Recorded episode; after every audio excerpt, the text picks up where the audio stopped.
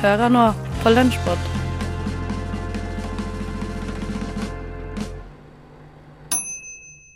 Velkommen til Lunsjpod, programmet som gir deg det beste fra uka som var, på Radio Nova. Mitt navn er Tage Rivas Tollefsen, og jeg er alene i dag. Elina har sagt nei, i dag vil jeg ikke være med, Tage. Så sa jeg greit, sånn er det bare. Det skjedde ikke, men det kunne skjedd. I hvert fall. I dag så er det mye nice som står på tapeten, eh, og først så er det selveste Aurora Thommessen fra Vitenselskapet som skal snakke om eh, det skumle, men også det interessante som er resonans i broer. Forestill deg at du står på en bro og ser ut over havet. Det er en vakker høstdag. Solen står lavt og fuglene kvitrer. Det begynner å bli litt kjølig, og vinden blåser plutselig kraftigere. Det er på tide å komme seg hjem. Men under deg begynner broen å svinge. Først kun små svingninger, men så merker du at svingningene fort blir sterkere. Du ser deg om og bestemmer deg for å gå tilbake til den siden du kom fra. Du prøver å løpe, men du sliter med å balansere på broen med de store svingningene. Broen forsvinner plutselig under føttene dine. Alt blir sort.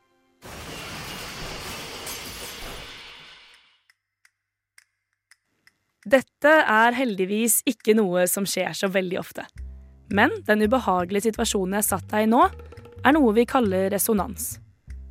Resonans er et ord du kanskje i det daglige, ja, om du har hørt det før, da, forbinder med gjenklang.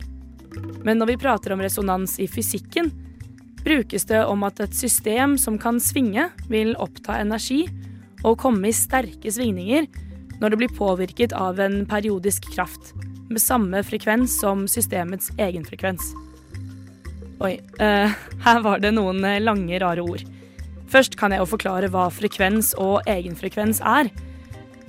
Ja, En frekvens er hvor ofte et legeme, f.eks. en pendel, beveger seg på ett sekund. Så vi kan si at hvis en pendel svinger én gang på ett sekund, er frekvensen lik én. Og egenfrekvens er den frekvensen, eller de frekvensene, som et system svinger med når det har fått en svingebevegelse, og så blir det overlatt til seg selv. Så det vil si at resonans er noe som oppstår når et system, sånn som denne broen, da, blir påvirket av en kraft med samme frekvens som systemets egne frekvens. Som i dette tilfellet med broen endte med at broen raste. Her blir broen utsatt for en sterk vind med en bevegelse og tid som er lik egenfrekvensen til broen. Og dette er ikke noe vi bare kan forestille oss teoretisk. For i 1940 kollapset nemlig hengebroen Tacoma Bridge i Washington i USA, kun pga. resonans. Om du søker opp Tacoma Bridge på YouTube, får du opp en rekke skremmende filmer fra denne hendelsen. Broer kan faktisk også komme i resonans og bryte sammen når det marsjeres i takt over dem. Ja, så 17. mai-tog over Akrobaten, du vet den fancy broen i Bjørvika, er kanskje ikke den beste ideen. Men det er ikke bare i forbindelse med broer at vi snakker om resonans. Resonans er faktisk viktig for oss i hverdagslivet òg. Resonans i øregangen øker nemlig følsomheten for lyder ved 3000 til 4000 hertz. Dette er viktig for oppfattelsen av tale. Du opplever også resonans når du husker og når du hopper på trampoline. Det blir til og med brukt resonans akkurat nå, når du sitter der hjemme og hører på radio. Ikke bare er det resonans i øret ditt, men ved radio brukes også resonans til avstemning av en mottaker Avstemning av en mottakers krets på en innkommende bølge. Ja, eh, det hørtes jo veldig smart ut. Men, men, det jeg prøver å si, er at for at du skal kunne høre meg prate til deg nå på radio, så er vi avhengig av resonans. Og det, det er jo veldig kult. Neste ut er et eget rom, og det du skal høre nå, er et utdrag fra intervjuet deres med Skeiv Verden og Rami Maroon, en skeiv flyktning fra Syria. Ja, OK, Kaja med 'Dance Like You' fikk du der, altså. Og vi har jo fortsatt storfint besøk i studio av uh, Skeiv Verden. hovedsakelig. Begge har jo iallfall tilknytninger til det. Men eh, vi snakka jo litt før eh, sangen her nå om, eh, om at du, eh, Rami, var snakka om søknadsprosessen din. Ja, hvordan var den? Ja, OK. Jeg skal fortelle dere om eh, første gang eh, jeg forteller ikke om eh, jeg er homofil, da, da jeg var i politiintervju. Yeah. Og jeg ser OK, jeg er syrisk, og jeg kan få oppholdstillatelse. Det er ingen problem. Jeg trenger ikke å si jeg er homofil. Og jeg var i skapet. Men eh, på, med UDI-intervju mm, Jeg fortalte dem, men jeg var litt redd. Jeg fortalte dem jeg kunne ikke gifte meg med kona. Mm. Ja, og jeg fortalte dem jeg er homofil i slutten, men det, eh, da jeg var eh, i UDI-intervju, jeg var litt redd. Og i denne dagen mm, eh, mange mennesker kom til, til veien fra Murmansk til Kirkenes. Det er jo sånn at når eh, mennesker søker asyl på bakgrunn av seksuell orientering i Norge, så vil først utlendingsmyndighetene eh, vurdere deres troverdighet, eh, om de tror de er homofile eller ikke, eh, og deretter eh, om de faktisk risikerer å bli forfulgt i landet. Så Susanne, eh, hvordan jeg vet ikke om du kan si litt om det. Hvordan gjennomfører egentlig utlendingsmyndighetene sånne troverdighetsvurderinger? Hvilke Ja. kriterier legger de til grunn?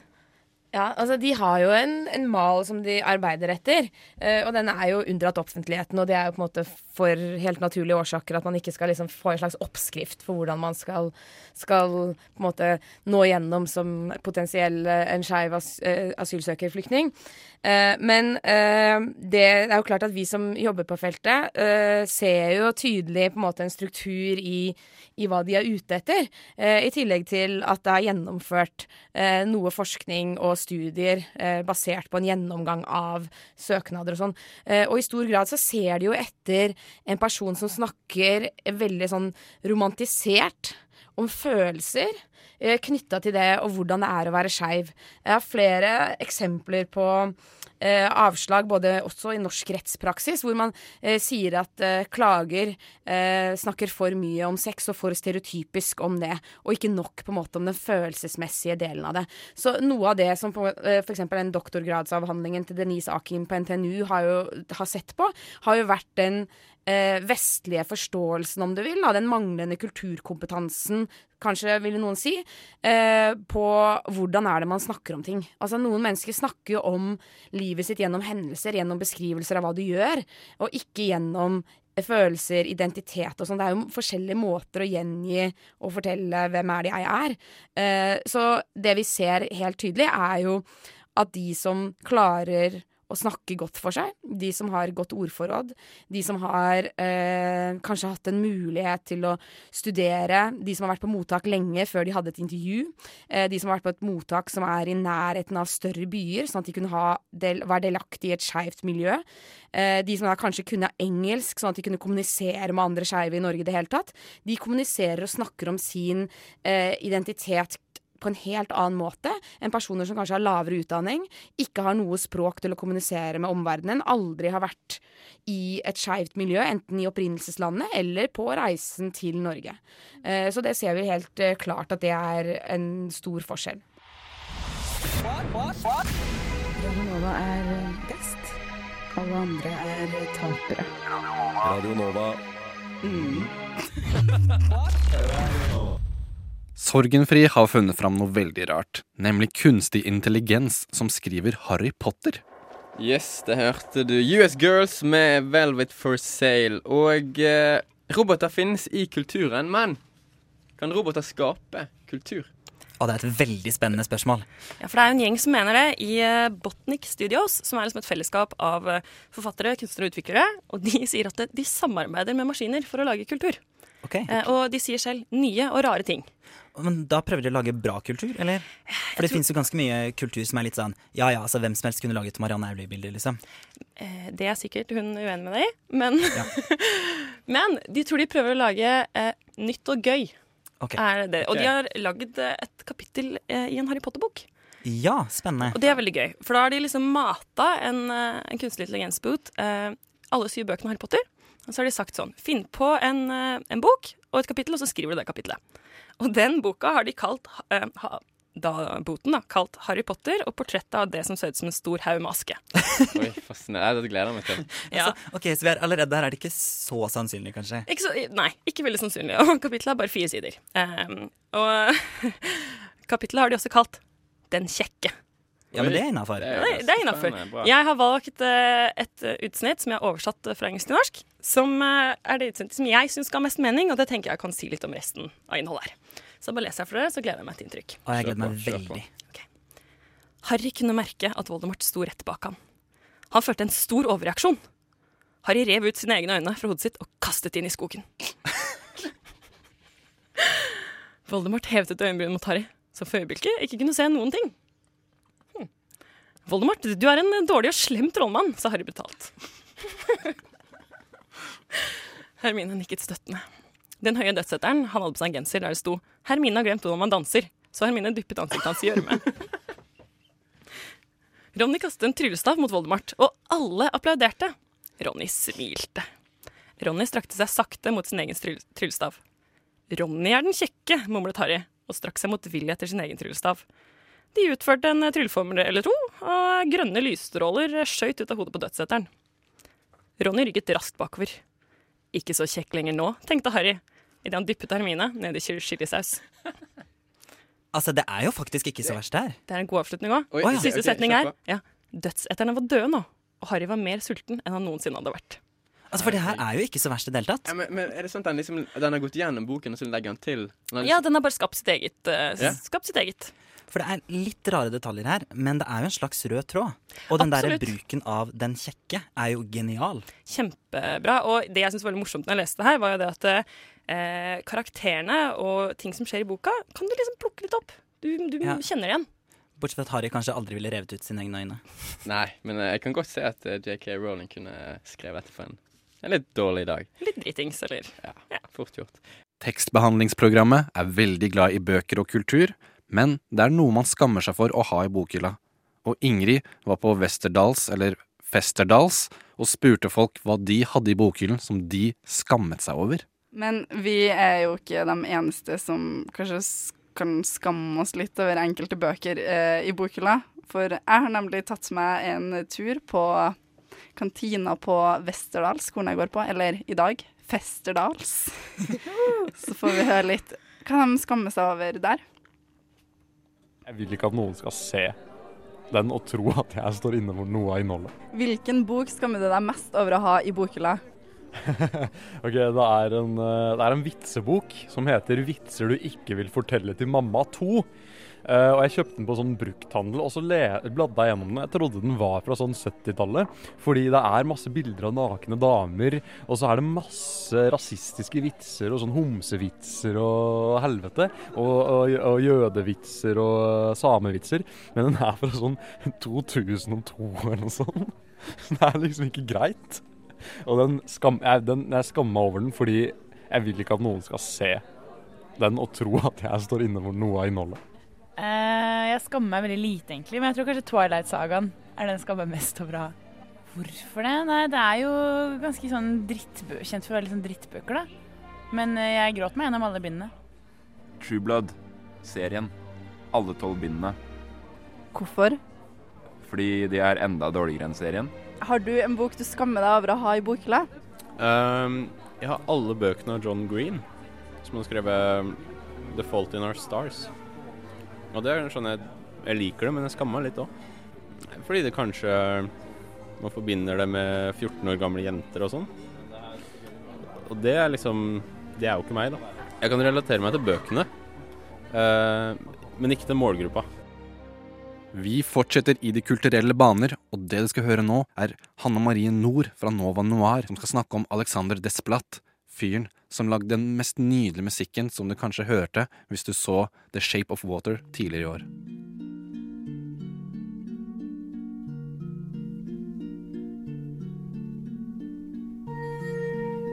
Denne vakre lyden kjenner du kanskje igjen hvis du har sett The Shape of Water, den store vinneren under den 90. Oscar-utdelingen.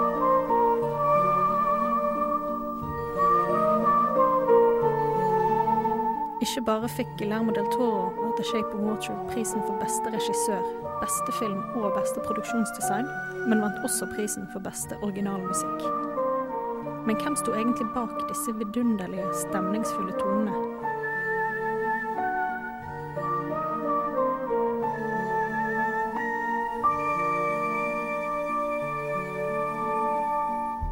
Du har garantert hørt filmmusikk komponert av han før. For disse tonene kjenner du vel igjen?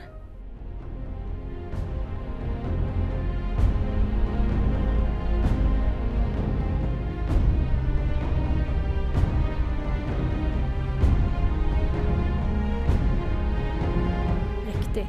Alexandre Desplat laget også musikken til de to siste Harry Potter-filmene. Men det hele begynte jo så lenge før det.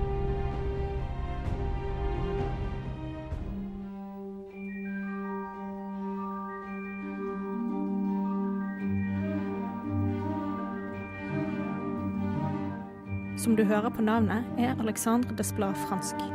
Han ble født i Paris i 1961, og som femåring begynte han å spille piano. Allerede på 80-tallet begynte han å komponere musikk til en hel haug franske produksjoner. Etter å ha skrevet musikken til 50 europeiske filmer, fikk han i 2003 sitt store Hollywood-gjennombrudd. Da komponerte han filmmusikken du hører litt av nå, til filmen 'Girl with a Pearl Earring'. Og derfra gikk det bare oppover.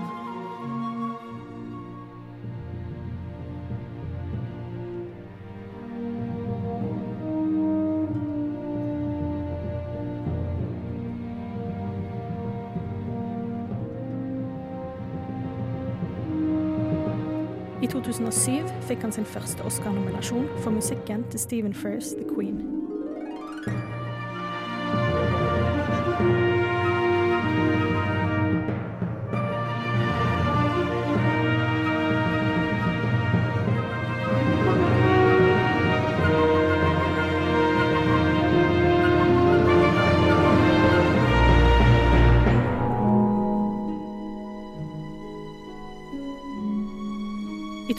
2008 fikk han enda en nominasjon, denne gangen for musikken til David Finchers The Curious Case of Benjamin Button.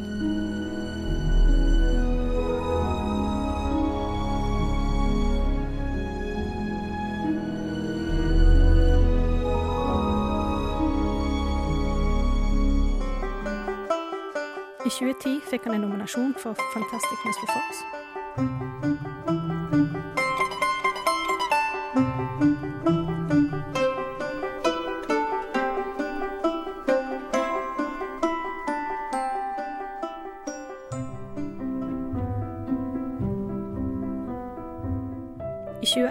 For The King's Speech.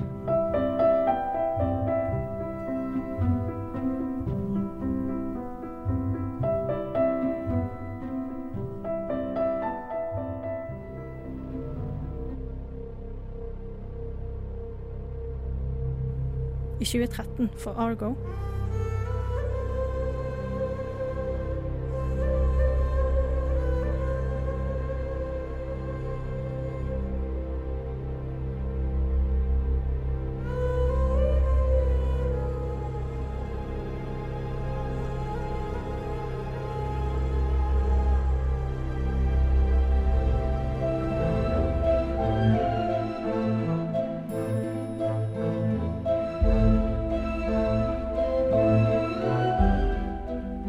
I 2014 for Filomena.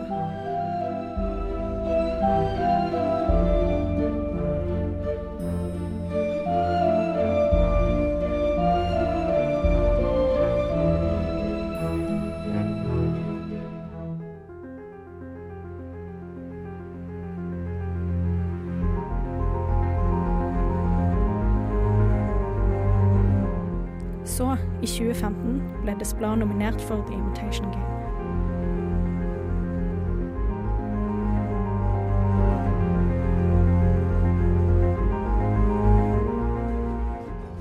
Men ikke nok med det. Samme år ble han også nominert for The Grand Budapest Hotel, og det var for denne filmmusikken han vant sin første Oscar-statuett.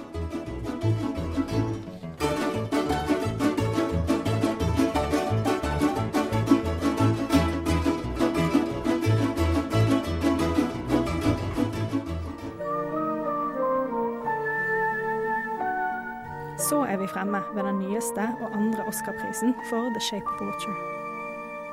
Innimellom alle Oscar-nominasjonene var det selvfølgelig også en hel rekke andre nominasjoner og priser som ble vunnet. Både Golden Globes, BAFTA og European Film Awards. Men Oscaren er kanskje den gjeveste, og det var i min mening vel fortjent at han hentet hjem enda en slik statuett for The Shape of Water. Jeg ser for meg at han kan pynte hjemmet sitt med mange andre gullstatuetter i de kommende årene, for det er nok ikke siste gang vi hører noe virkelig vakkert fra Alexander Desplat.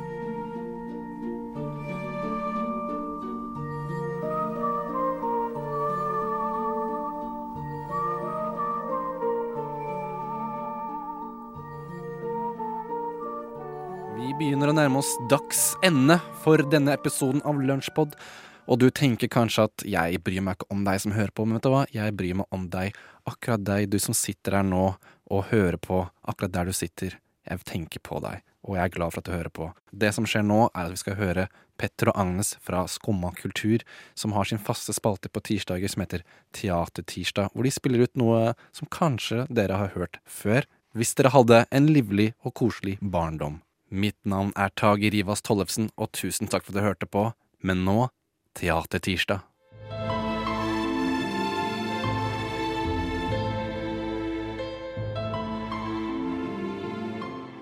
Og dermed så blir jo bare alt feil, feil, feil.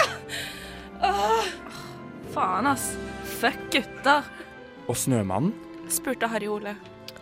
På en haug med snøkrystaller som skifter form fra time til time, finner du til fingeravtrykk. Teatertirsdag.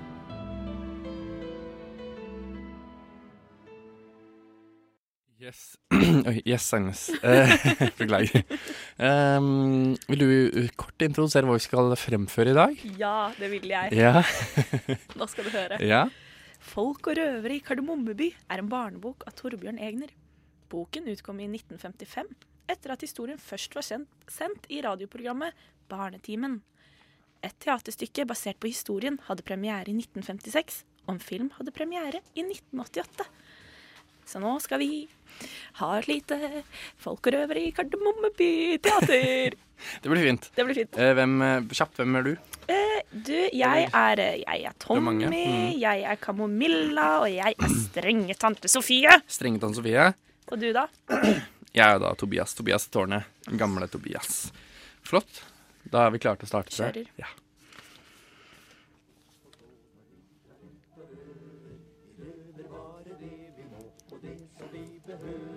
Herr Tobias, hallo!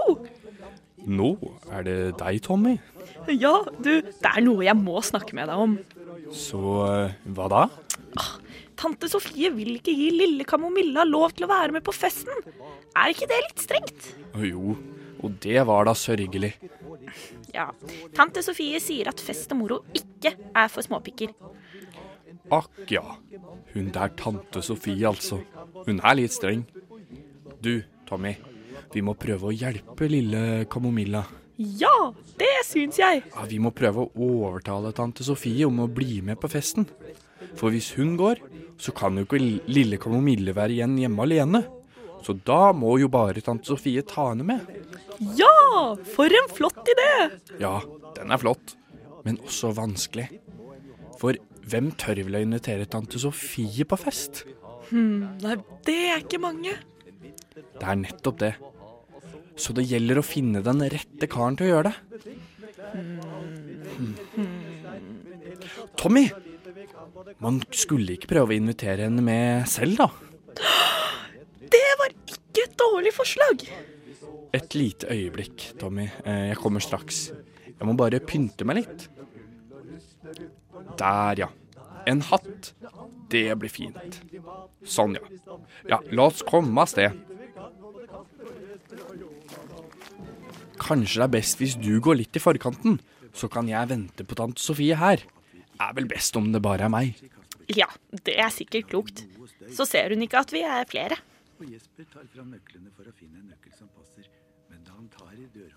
Hvem er det? Ah, frøken tante Sofie. Det er bare meg. Ja, nå er det dem? Ja, det er meg.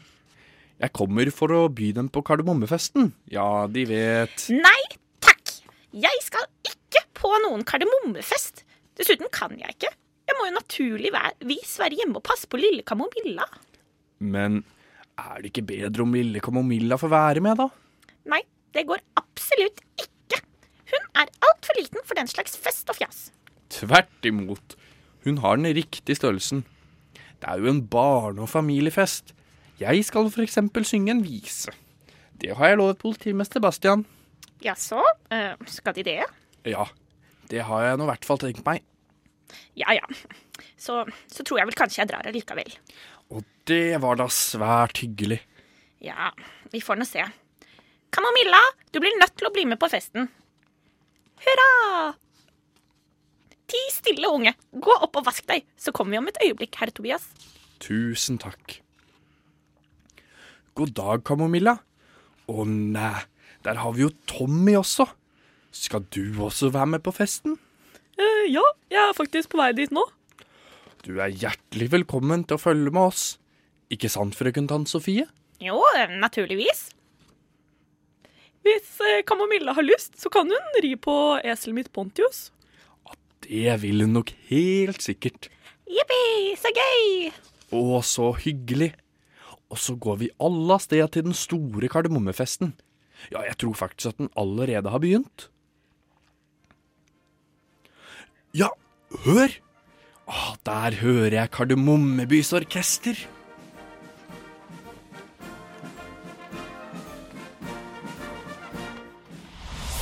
Radio Nova er eh, best. Alle, alle, alle, andre er eh, tapere. Radio Nova er eh, best. Radio Nova. Mm. Radio Nova. Siden 1982 har Radio Nova gitt deg favorittmusikken din før du visste at du likte den.